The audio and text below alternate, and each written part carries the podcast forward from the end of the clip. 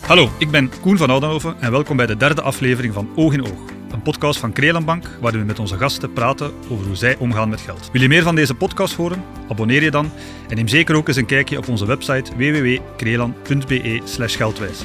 Ik vind het in alle eerlijkheid uh, soms opvallend, um, niet altijd, maar toch soms toch wel opvallend, dat goed omgaan met geld uh, voor sommige mensen per definitie hetzelfde is als geld sparen. Terwijl ik net het, het, het, het, omgaan met geld vind, je moet wel eens een deel kunnen spenderen en een deel sparen, want anders, ja, anders dient het ook nergens toe. Uh, dat probeer ik bijvoorbeeld om mijn kinderen te leren. Onze gast van vandaag komt uit de wielerwereld. In 2009 zette hij samen met zijn broer Christophe een levensveranderende stap. Ze richtten met BKCP Power Plus hun eigen wielerploeg op, waar onze gast de rol van general manager op zich nam. Ondanks dat de ploeg meteen succes boekte, met onder andere een wereldtitel veldrijden met Niels Albert, had hij nooit durven dromen dat de ploeg die in 2009 werd opgericht de basis zou vormen voor wat vandaag een van de sterkste wielerploegen ter wereld is. Vanaf 2015, samen met Corendon als nieuwe hoofdsponsor en met de opkomst van het Nederlandse wielerfenomeen Mathieu van der Poel, groeide de ploeg onder zijn leiding verder uit en begonnen de successen zich op te stapelen. Wat ertoe leidde dat de ploeg vanaf 2019 toegang kreeg tot het pro-continentale niveau, waardoor ze naast in het veld ook op de weg actief werden en dus toegang kregen tot de belangrijkste wielerwedstrijden ter wereld. Die goede prestaties op de weg in 2019, met onder andere winst in dwars door Vlaanderen, Brabantse Pijl en de Amstel Gold Race, leidden in 2020 tot een sponsorovereenkomst met Alpecin, waardoor de ploeg weer een volgende stap kon zetten. Niet alleen de ploeg, maar ook voor onze gast bleef het voor de wind gaan. Met in 2021 de winst van de kristallen fiets voor beste ploegleider, samen met zijn broer Christophe. De absolute bekroning van al die jaren hard werk volgde in 2022, toen er een World Tour licentie werd bekomen en waarmee zijn ploeg zich definitief tot de allerbeste ploegen ter wereld mocht rekenen. Een status die ze afgelopen seizoen trouwens ook bewezen door niet alleen klassiekers als Milan-San Remo en Parijs-Roubaix te winnen, maar ook puntentruien in zowel de Tour als de Vuelta te winnen. En als klap op de vuurpijl de wereldkampioen op de weg en in het veld af te leveren. Welkom, Filip Roodhoofd. Dank u wel. Filip, hartelijk bedankt om tijd voor ons vrij te maken. Ik vind het heel fijn dat je hier bent vandaag. En uh, ik heb de gewoonte om de podcast altijd te starten met dezelfde vraag. En dat is, hoe is het met jou? Ja, dat is een goede vraag. En uh, ik ben blij dat ik daar uh, kan op antwoorden goed. Het gaat goed met mij. Dat is top. Philippe, bij Alpecin sta je in ook meer voor de operationele kant, hè, dus het financiële, het strategische. Ehm, als je dat nu vergelijkt met de beginjaren en je vergelijkt dat met hoe het vandaag is, is dat veranderd? Goh, dus het is niet alleen veranderd, het lijkt niet eens op elkaar. Het, is gewoon een totaal andere wereld. Um, zowel als geheel als bedrijf. Want er zijn ook, ook daar zijn er twee dingen. Er is de ploeg, het sportieve verhaal op zich, maar ook het bedrijf dat erachter zit, is heel erg geëvolueerd. En zowel voor Christophe als, als voor mezelf geldt ook dat we een heel andere tijdsbesteding hebben daardoor. En um, er zijn veel meer mensen die voor ons werken, dus dat, er is een, structuur gekomen die er in het begin niet was en dat ook allemaal geleidelijk aan gegroeid is. Ja, en zou je dan zeggen dat het ja, makkelijker of moeilijker geworden is? Uh, dat, is een, ja, dat is eigenlijk een dubbele vraag. Het is zeker complexer, maar eigenlijk makkelijker, vind ik. Uh, om de eenvoudige reden dat er meer middelen zijn, meer mensen zijn om samen uh, naar een doel toe te werken. Terwijl helemaal in het begin, als we er zelf niet waren, dan gebeurde er niks eigenlijk. Ja, Oké, nu je hebt daarnet, hè, voordat de podcast begon, hebben we even gebabbeld. Hij zei, ja, ik ben ook wel met het sportieve bezig. Ja, als jullie naar een nieuwe renner kijken om aan te trekken, buiten het feit uiteraard dat hij een ontzettend hard met een fiets eh, moet kunnen rijden. Uh, ja, naar, naar wat kijken jullie nog? Goh, we hechten nogal veel belang aan mentaliteit, toch wel. En um, karakter kijken of, of, of je kunt dat niet altijd helemaal inschatten. Hmm. Maar we vinden het toch wel van belang te weten met wie we te doen hebben als persoon. Want er zijn heel veel jongens die, en meisjes die hard met een fiets kunnen rijden. Maar niet iedereen aardt bij ons en, en wij kunnen ook niet iedereen gewoon helpen in feite. Er zijn gewoon um, combinaties die beter werken dan andere. En uh, soms is net iets minder intrinsiek talent, maar meer werkbaar, veel beter dan, uh, dan de omgekeerde combinatie. Ja, dus het is eigenlijk belangrijk dat de personen, ja, niet alleen qua talent, maar ook qua persoon eigenlijk in het team passen. Dat is eigenlijk, ja, ja. En, en, en in het team passen, bij ons passen, maar ook in het geheel dat er al is. uh, kunnen passen in de doelstellingen die wij hebben. Want uiteraard willen wij wedstrijden winnen, dat is, dat is niet zo moeilijk te bedenken. Maar we willen dat ook op een bepaalde manier doen. We willen ook op een bepaalde manier in de wedstrijd zitten. En ja, dat werkt niet voor iedereen. Is dat dan het eh, attractieve koersen dat jullie toch wel, wel meestal brengen? Is, is het daar dat je op doelt? En hij zegt van oké, de renners die bij ons komen rijden, ja, die moeten ook die manier van koersen kunnen, kunnen uitvoeren. Klopt, dat is het de attractieve inderdaad, maar ook... Um, attractief is natuurlijk, iedereen wil iets attractief doen, maar het gaat er vooral om Ehm, misschien niet altijd het meest voor de hand liggende doen, mhm. waardoor het attractief wordt en waardoor het ook wel eens kan mislukken. Maar als het lukt, wordt het zoveel beter en zoveel mooier. Dus eigenlijk, um, het zijn die dingen waar wij van denken dat ze ons onderscheiden van anderen.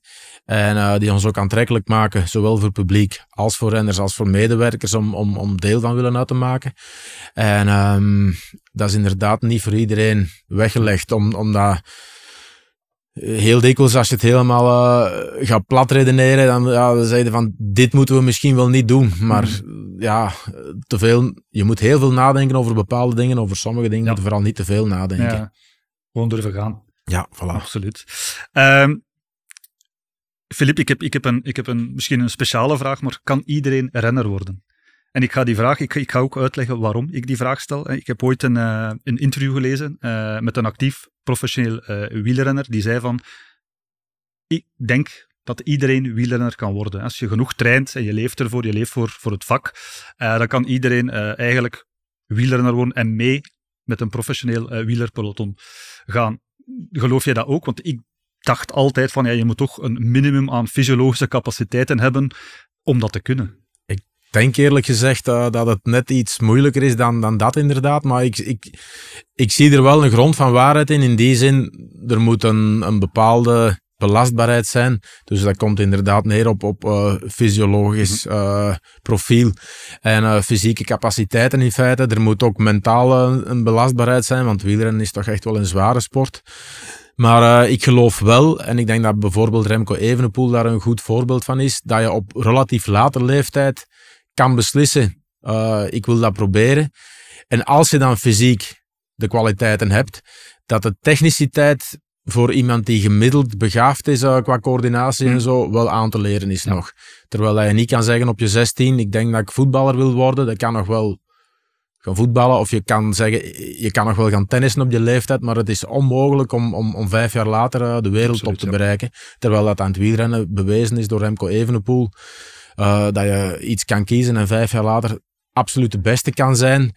En de mankementen die er zijn, of die er verondersteld werden te zijn, uh, omwille van de late instap, dat die toch nog weg te werken zijn. Waar in, in meer technische sporten, of sporten waarin dan niet alleen het fysiek, maar ook een uh, bepaalde techniciteit nodig is die hoger is, dat dat niet langer haalbaar is. Ja, want jullie zijn als ploeg, denk ik dan ook, een van de eerste die buiten het wielrennen zijn beginnen scouten naar bepaalde profielen. Ik denk aan jullie samenwerking bijvoorbeeld met Swift waar jullie toch ook al, al uh, ja, de, de, vruchten van plukken en, en elk jaar, denk ik, uh, iemand, iemand de kans geven uh, om, om, om mee met jullie te trainen. En dan zie je toch ook dat die jongens wel het, wel het niveau kunnen, kunnen, kunnen aanpikken. Hè? Dat klopt, maar dan, dan kom je heel precies bij dat fysiologische profiel. Ja. En ehm, als dat er niet is, is het ook klaar natuurlijk. dan is het heel duidelijk dat... En, en, en daar volg ik dan je kennis van u niet, dat iedereen het kan worden. Er zijn gewoon bepaalde capaciteiten die, die nodig zijn. En, maar als die er zijn, en er wordt genoeg mee gewerkt, is het zeker niet voor iedereen mogelijk om de stap nog te zetten. Um, en zeker ook niet op elk parcours, maar uh, om een goed voorbeeld te nemen, de eerste die doorgestroomd is, Jay Vine. Ja. Uh, zeker niet de meest stuurvaardige, zeker niet de meest rustige, maar op uh, een parcours waar het bergop is op een bepaald moment, zeker aankomst bergop, als het alleen nog aankomt, of bijna alleen nog aankomt op op het, op, het, op, het, op het produceren van de kracht en, en, en, en, de overbrenging. Ja, onklopbaar op bepaalde momenten. Zeker als er dan vanuit de achtergrond, uh, vanuit de ploegleiding, tactisch ge, uh, gestuurd en gecoacht wordt. Want dat is toch ook wel een verschil in dat soort ritten. Dat is meestal niet in een split second dat het uh, moet beslist worden. Uh, als daar dan genoeg kan in gestuurd worden door ploegleiding of door ploegmaats, dat er op, uiteindelijk alleen dat fysieke nog overblijft. En, en, en dan kan het dus zeker wel. Oké. Heel interessant, Filip. We komen straks nog even terug op het, uh, op het wielrennen. Uh, maar we zijn natuurlijk vandaag ook uh, samen om over omgaan met geld te praten. Ehm, ja, vanuit de Bank Nederland vinden wij het wel belangrijk dat er voldoende aandacht is voor, een, voor een belangrijk thema, zoals financiële educatie. Ehm, en ik ga voor de luisteraars nog heel kort het, het concept even toelichten. Dus we nodigen gasten uit. We stellen aan elke gast eigenlijk acht vaste, dezelfde vragen rond omgaan met geld. dus ik stel voor, Filip, dat we overgaan naar de eerste vraag. Ehm, en die is eigenlijk, uh, hoe heb jij leren omgaan met geld? Heeft iemand u daarbij geholpen of heb je dat zelf wat geleerd?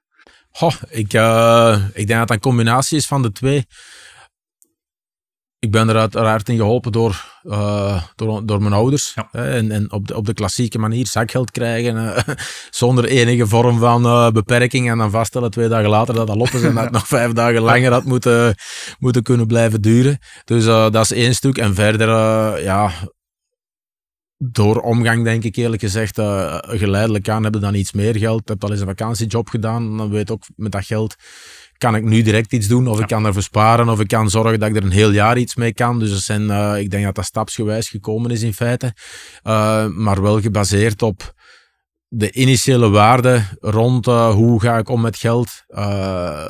ik denk dat die toch wel belangrijk zijn. Ja, en ben je eerder iemand die, die spaart, of ben je iemand van oké, wat ik verdien dat, dat mag ook opgedaan worden? Um, ik vind het in alle eerlijkheid soms opvallend Um, niet altijd, maar toch soms toch wel opvallend.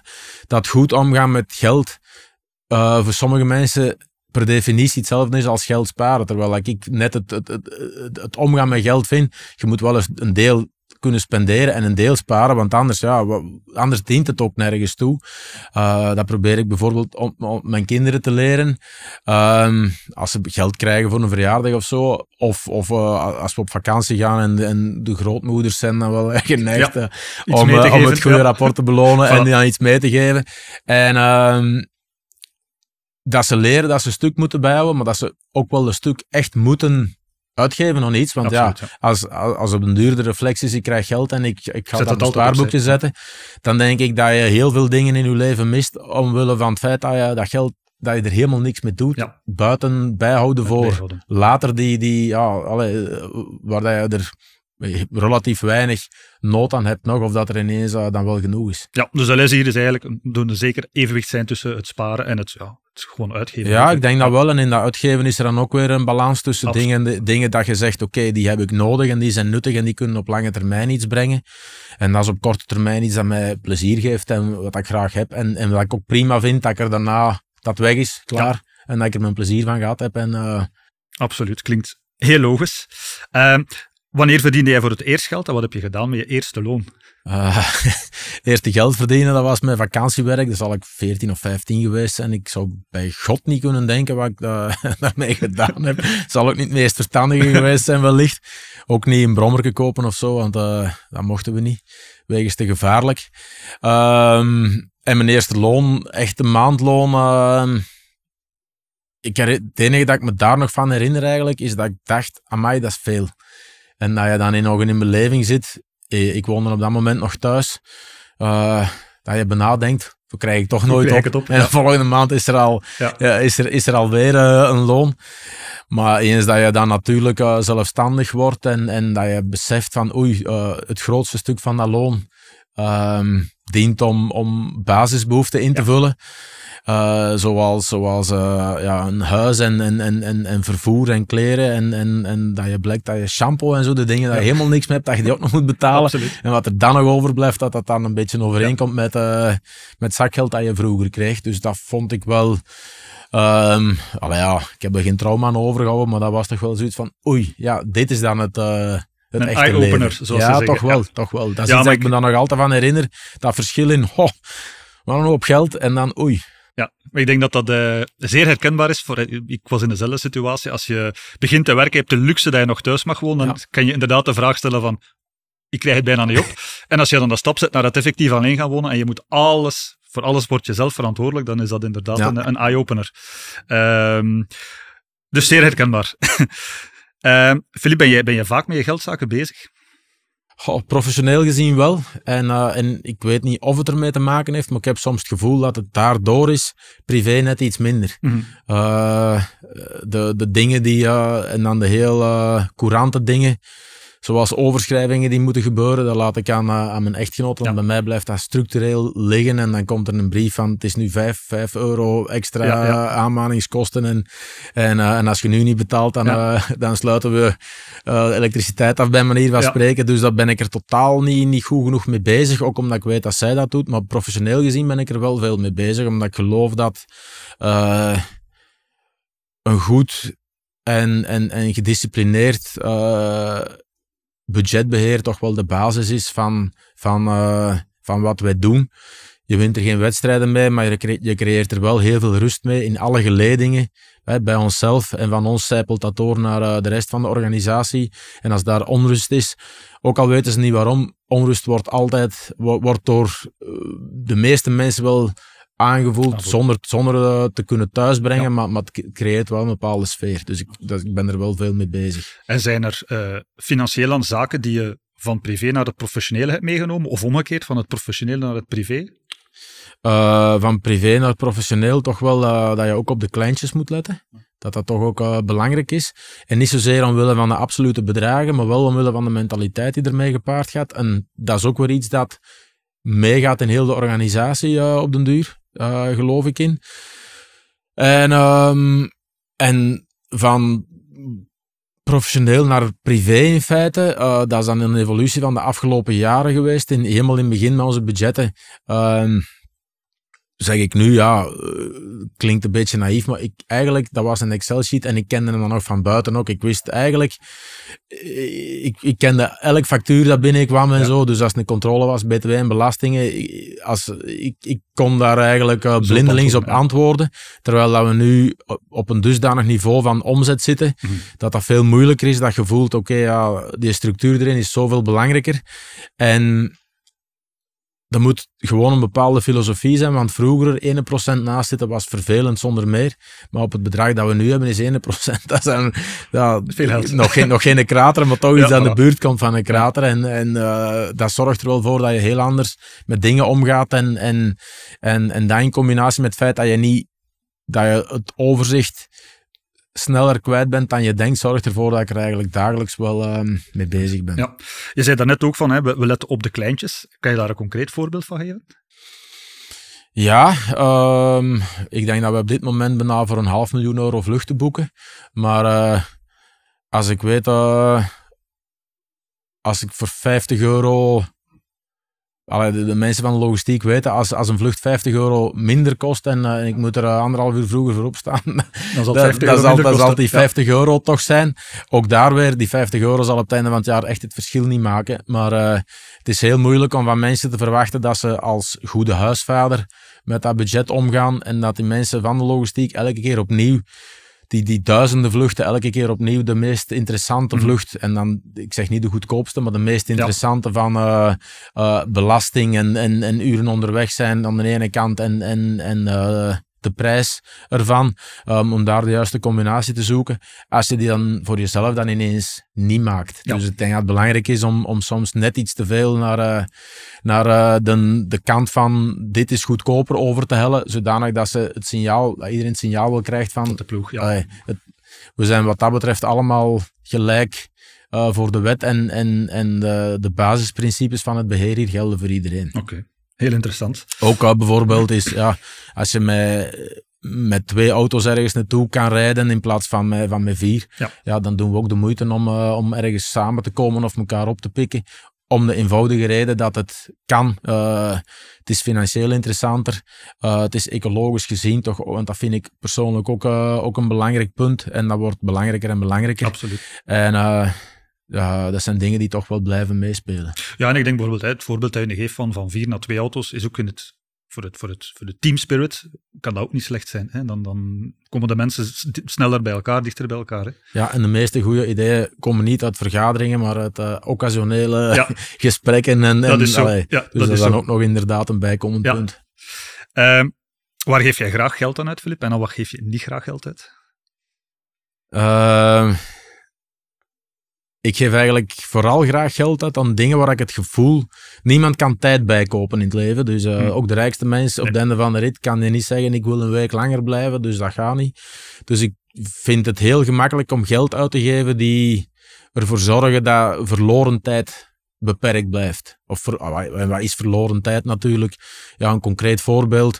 Eh, als de kinderen op training zijn en je moet daar drie uur eh, staan wachten en in een cafetaria zitten. Dus eh hebben we eh, met gezin een campervan gekocht om dan die tijd nuttig te kunnen Ja. doorbrengen. Eh, zowel voor mijn, mijn echtgenote die, die eh, lesmateriaal schrijft ehm, voor het onderwijs als voor mezelf. Als ik met een computer bij heb, kan ik overal werken. Dat is bijvoorbeeld een van de dingen die dat je zegt, goh, dat kost toch wel veel geld. Maar een tijd in dat je dan mee wint, of, of, of op een nuttiger Ja, manier nuttige mee kunt ja. besteden. En we hebben dan twee kinderen, dus die andere eh, kan dan ook een huiswerk maken en zo. Dat vind ik heel makkelijk om, om, om die beslissing te nemen. Ehm, en verder dingen die, die voor een bepaalde ja, ervaring en herinnering zorgen, vind ik ook gemakkelijk om geld aan uit te geven. Dingen van kwaliteit. Eh, zowel qua eten, dat hoeft niet, niet, niet eh, Geen te of zijn. of dat ja, hoeft voilà, niet. Ja. maar eh, allee, dus dingen dat je zegt van, goh, dat is nu kwaliteit. Als we dan iets drinken, drinken we liever iets goed dan, Ja. eh, een keer minder iets goed dan elke keer Voilà, uit gewoonte iets, eh, iets van een gemiddelde of, of middelmatige kwaliteit. En ehm, puur persoonlijk, dan heb ik iets met, met pennen en stilo's. Ik, vind, Ah, ik, ik- ja? ik schrijf nooit met een plastic eh, stilo. Klassiek en big. Ja, dus ik, ik, heb, eh, ik heb er alleen, eh, ik schrijf alleen met stilo's die relatief duur zijn. Daardoor draag ik er ook zorg voor. En ik vind dat iets heel plezant om bij bepaalde gelegenheden aan iemand te geven ook. Omdat, ja, ik vind dat is iets... eh, alle, alle pennen dat ik heb, hangt een verhaal aan. Of, of heb ik toen gekregen van die, of, of die mens heeft daar dat contract nog mee getekend. Ah, en ik vind, dat, eh, ik vind dat plezant. En heb je zo'n pen dat je zegt van dat is nu voor mij de, de meest bijzondere pen? Of, of... Ehm, nee, want ze hebben allemaal wel een verhaal. Het zij privé, het zij, het zij, ehm, het zij professioneel. Ehm, op het moment dat we de World Tour licentie behaald hebben, bijvoorbeeld, heb ik er drie identieke gekocht. Eén voor eh onze Christophe, één voor Mathieu en één voor mezelf. Binnen een bepaald thema dan, reis rond de wereld in 80 dagen, want we hebben dus ook een, een, een wereldreis gemaakt. En ik denk dat we dat met drie, eh, alle drie, twee, twee zonder drie zou niet gelukt zijn, is, Ja. is, is mijn beeld daarbij. Mhm. En eh, dat gaat dan over eh, verschillende vervoersmiddelen waarmee die reis gebeurd is. Ook iets dat iedereen dacht dat niet kon. Ik denk dat we ook iets gedaan hebben dat in, in, in het begin vrij onmogelijk leek. Een combinatie van disciplines. Dus dat was voor mij een, een, een plezant iets om...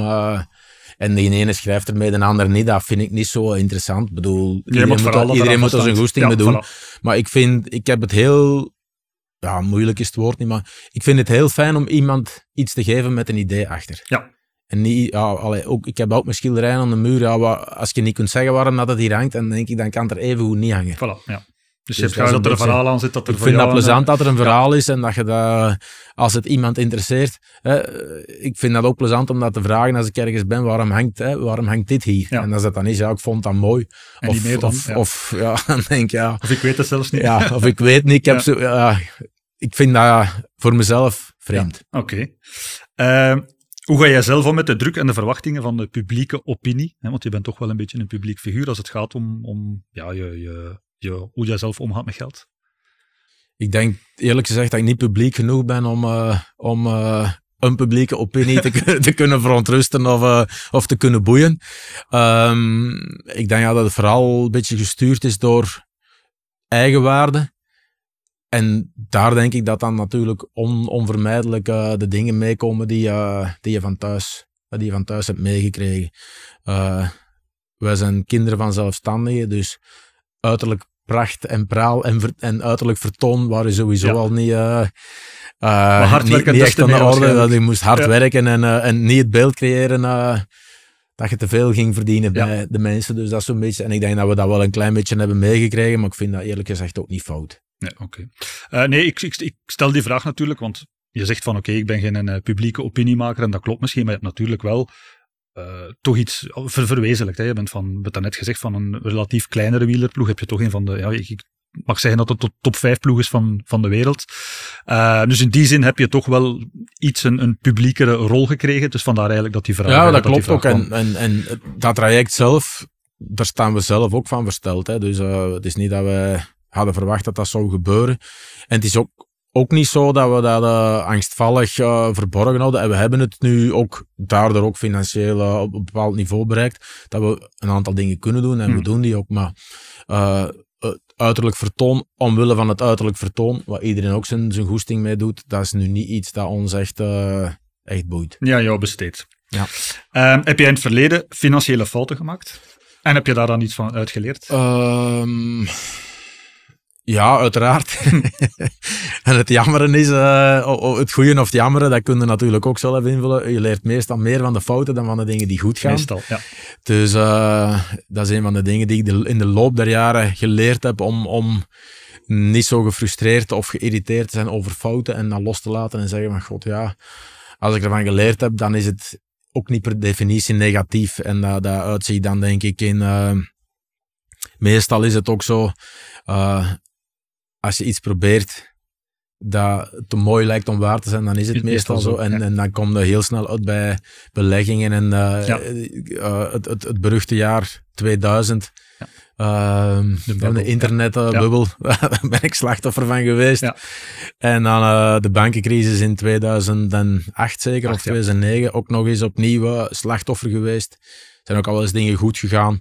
Maar ik denk ehm, dat de les daarin is dat een, een normaal rendement nastreven, dat dat uh, het gezondste is, eerlijk gezegd. En wat ik een heel belangrijk iets voor mezelf daarin gevonden heb, is, is zelfs al brengt iets veel rendement, als je te veel afhankelijk bent van uh, iets dat je totaal zelf geen grip op hebt. Dus, mhm. dus bijvoorbeeld um, beleggingen uh, op de beurs dat je toch moet opletten dat het niet uh, in je persoonlijke leven binnenkomt. Dat je op een duur slecht gezien bent omdat er een aantal aandelen uh, slecht doen. Slecht doen. Of, of met bitcoins net hetzelfde. Uh, of dat dan nu, nu goed is of slecht. Ik denk dat je altijd onder een niveau moet blijven van investering. Dat je kan zeggen, ja, was niet, zelfs al is het allemaal weg, dan, dan, dan hoef ik er niet van wakker te liggen. Ja. Ik denk dat dat toch belangrijk is. En laat je je begeleiden? In uw, in uw financiële... Uh, ja, beperkt wel, om, omdat ik zeg, het, uh, er zijn heel weinig uh, echt, echt risico dingen. en dat doe ik dan liever zelf, want ja, ja ik vind, er zijn zo'n aantal dingen, als je dan, ik, ik heb een, een beperkt budget voor mezelf, waar ik dan echt, echt mee speculeer op de beurs. Soms gaat dat goed, soms gaat dat slecht. Maar zo de, de meer fundamentele dingen is dan, is dan ook heel klassiek. de, ja, de man van, van, eh, van het bankkantoor, je zegt, ja. ik zou er dat of dat mee doen. En, uh, en de boekhouder en die twee samen, en daar komt dan iets Dus in die zin toch een vorm van, ja, van begeleiding. Dat, dat sowieso wel, ja. Omdat ik, om de eenvoudige reden, ja, ervan uitgaat dat zij het beter weten dan ik. Aangezien dat het hun vak is en niet het mijne. En dat ontzorgt je ook. Uiteraard, en, en, dan, en, en als je daar de juiste input geeft, zijnde, ik wil dat het... Uh, of, of risicoprofiel dan, dat je dan ook weet, oké, okay, dat wordt gerespecteerd en, en, en klaar. Ja, absoluut. En dat is ook zo. Hè. Ze moeten met jouw profiel, met jouw behoeftes uh, van daaruit vertrekken. Hè. Uh, we hebben dan net, je hebt, je hebt, zelf al een beetje de, de brug gemaakt naar, naar de volgende vraag. Hè. Dat is, heb je ervaring met beleggen? Is het dan positief of negatief? Je hebt er al deels op geantwoord natuurlijk. Ah, ja, klopt. En, en ja, ik, ik zeg het. Uh, een, een ervaring met financieel verlies kan wel positief zijn. Hm. En dat is iets dat je op het moment zelf natuurlijk niet, niet snapt, maar terugkijkend op vind ik dat wel belangrijk. Ik zeg het, dat je, dat je nooit dingen moet doen waar je van, als je denkt, als dit fout gaat, heb ik een probleem, dan is het vooral fout om het te doen. Los van het feit of dat het dan toch goed loopt, um, vooral uh, proberen van weg te blijven, denk ik. Ja, ik denk dat dat ook een stukje het uh, ABC van het beginnen met beleggen is, is dat je belegt met geld dat je eigenlijk kan missen. Uh, niet dat je het moet volledig eh, kunnen verliezen, maar je moet het wel kunnen missen. Je moet het kunnen zeggen, ik kan het voor x aantal tijd opzij zetten en ik ga het niet binnen drie maanden nodig hebben, want moet Klopt. een woning kopen. Dat is ja, dus- dat klopt. En, en eh, dat is natuurlijk het ABC. En eh, ik zal ook niet de enige zijn. En als dan eh, iemand eh, in, in, in het bankkantoor de ABC uit de doeken doet, dat je zoiets hebt van, ja, maar ja, Ja. het moet wel rapper gaan. Ja. En eh, dus dat zijn lessen die je denk ik eh, het beste leert als je ze zelf ondervindt. Maar eh, het is niet verstandig om elke fout zelf willen gemaakt hebben. Soms moet je gewoon dingen geloven, Ja, eh, omdat ze zo gezegd worden. Ja, absoluut.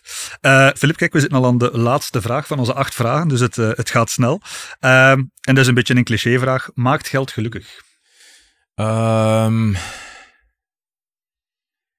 ik denk toch wel dat geld in een belangrijke mate kan bepalen of iemand, eh, niet voor iedereen, maar voor veel mensen kan bepalen of iemand een gelukkig leven kan leiden of niet. Het is veel te gemakkelijk om te zeggen geld maakt niet gelukkig.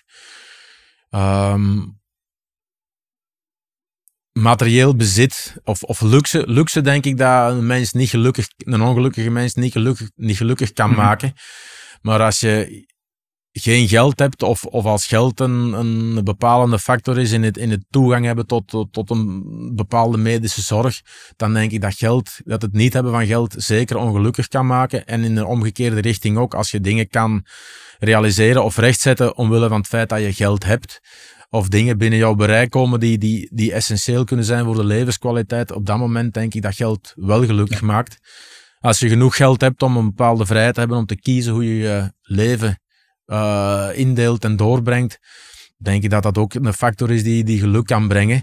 Maar het is niet zo dat je eh, het, cliché in de zin van als je alles kan kopen wat je, wat je graag hebt, dat je daardoor gelukkig wordt, daar geloof ik uiteraard niet in. Maar het is te gemakkelijk om te zeggen dat, dat geld niet bijdraagt tot, eh, tot geluk. Ja, financiële vrijheid eigenlijk. hè. Dat is, eh, Financiële ja. vrijheid, ik zeg het, en, en, en in bepaalde gevallen toch toegang tot, tot, eh, tot een bepaalde, ik weet niet, bepaalde medische zorg of, of, Ja.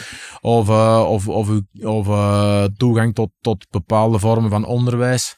Ehm, denk je dat dat toch wel echt eh, een geluksfactor kan zijn. Absoluut. Ik denk dat dat eh, een logisch en interessant inzicht is dat je hier eh, met ons deelt. Ehm, ja, we zijn nu al eigenlijk aan het einde van de, van de acht vragen. te vroeg? Eh, maar ik, ik, ik laat je nog niet gaan, Filip. Eh, geen, geen zorg. Ehm, ik, heb, ik heb nog een aantal vraagjes. Ehm, je hebt, allez, met, met de ploeg de afgelopen tijd heb je echt heel veel gewonnen. Het is, het is een succesverhaal geweest. Eh, de grootste klassiekers zijn gewonnen. Je hebt ritten gewonnen in de, in de grote rondes. Truien gewonnen in de grote rondes. eh, wereldkampioenen afgeleverd in het veld, op de weg. eh World Tour statuut bereikt. Ehm, heb je geen schrik dat er op een bepaald moment een vorm van verzadiging gaat optreden? Hm, dat is een goede vraag. Eh, Ik had een andere vraag verwacht. dus. nee, ik denk, ik denk dat dat. eh, Eigenlijk denk ik van niet. In die zin, eh, we staan soms versteld zelf over wat er allemaal gebeurt, maar, maar ook over hoe weinig het ons. We zijn er.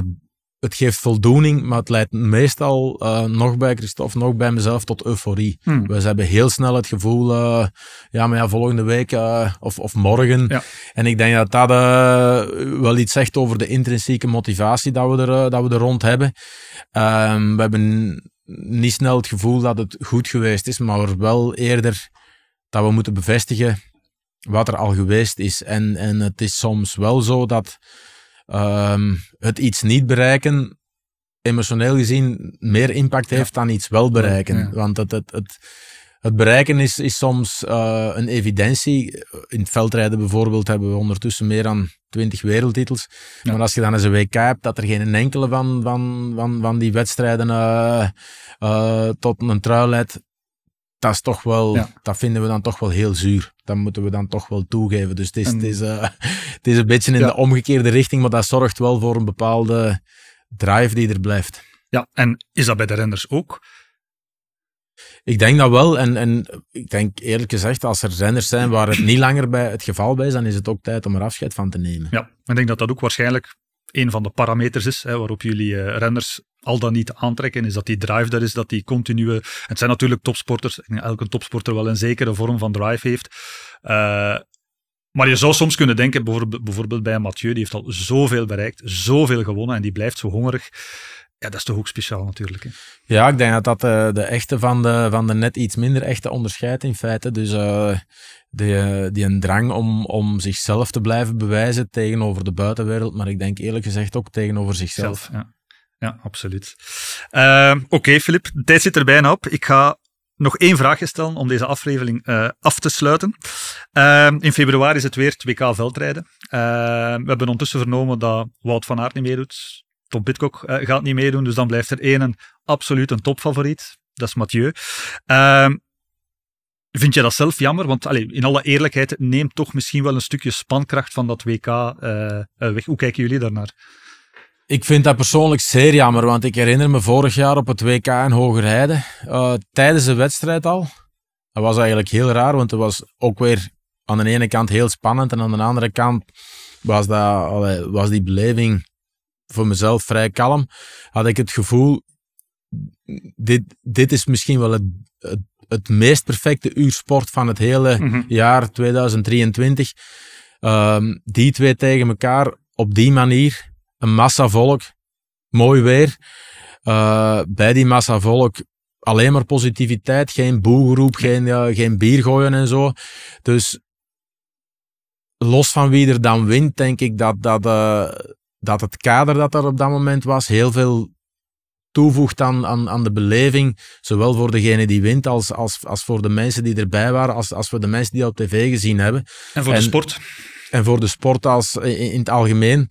Um, en ik denk eerlijk gezegd dat het het sportief moeilijker maakt, maar mentaal gemakkelijker maakt voor uh, de protagonisten ook. Hmm. Mathieu van der Poel aan de start zonder Wout van Aert en zonder uh, Tom Pitcock kan alleen maar winnen. Heeft eigenlijk niks te winnen en alles te verliezen. want als ze wint, zeggen ze, ja, dat is niet heel moeilijk, want die twee anderen zijn er niet. Maar als ze dan toch niet wint, dan, uh, ja, dan is de ontgoocheling des te groter natuurlijk. Ja. Uh, ja, ik ga toch vragen, wat is uw pronostiek? um, Mathieu van der Poel, uh, Michael van Toerenhout, Laurens Week. Oké, okay. Filip, we gaan dat in eh, februari zien. Staat genoteerd, staat op band. Dus uh, we gaan zien of hij gelijk had. Uh, daar is me alleen nu nog eens heel hard te bedanken voor uw aanwezigheid, voor uw deelname. Uh, en ik wens u nog heel veel succes met het verder verloop, zowel privé als professioneel. Dankjewel. Zo, dat brengt ons bij het einde van deze derde aflevering van Oog in Oog, de podcast van Krelan, waarin we met gasten spreken over hoe zij omgaan met geld. Wil je nog meer horen van deze podcast? Abonneer je dan en neem zeker eens een kijkje op onze website www.kreeland.be geldwijs voor meer informatie over deze podcast en onze andere podcasts. In de volgende aflevering ontvangen we Pascal Paap. Tot de volgende!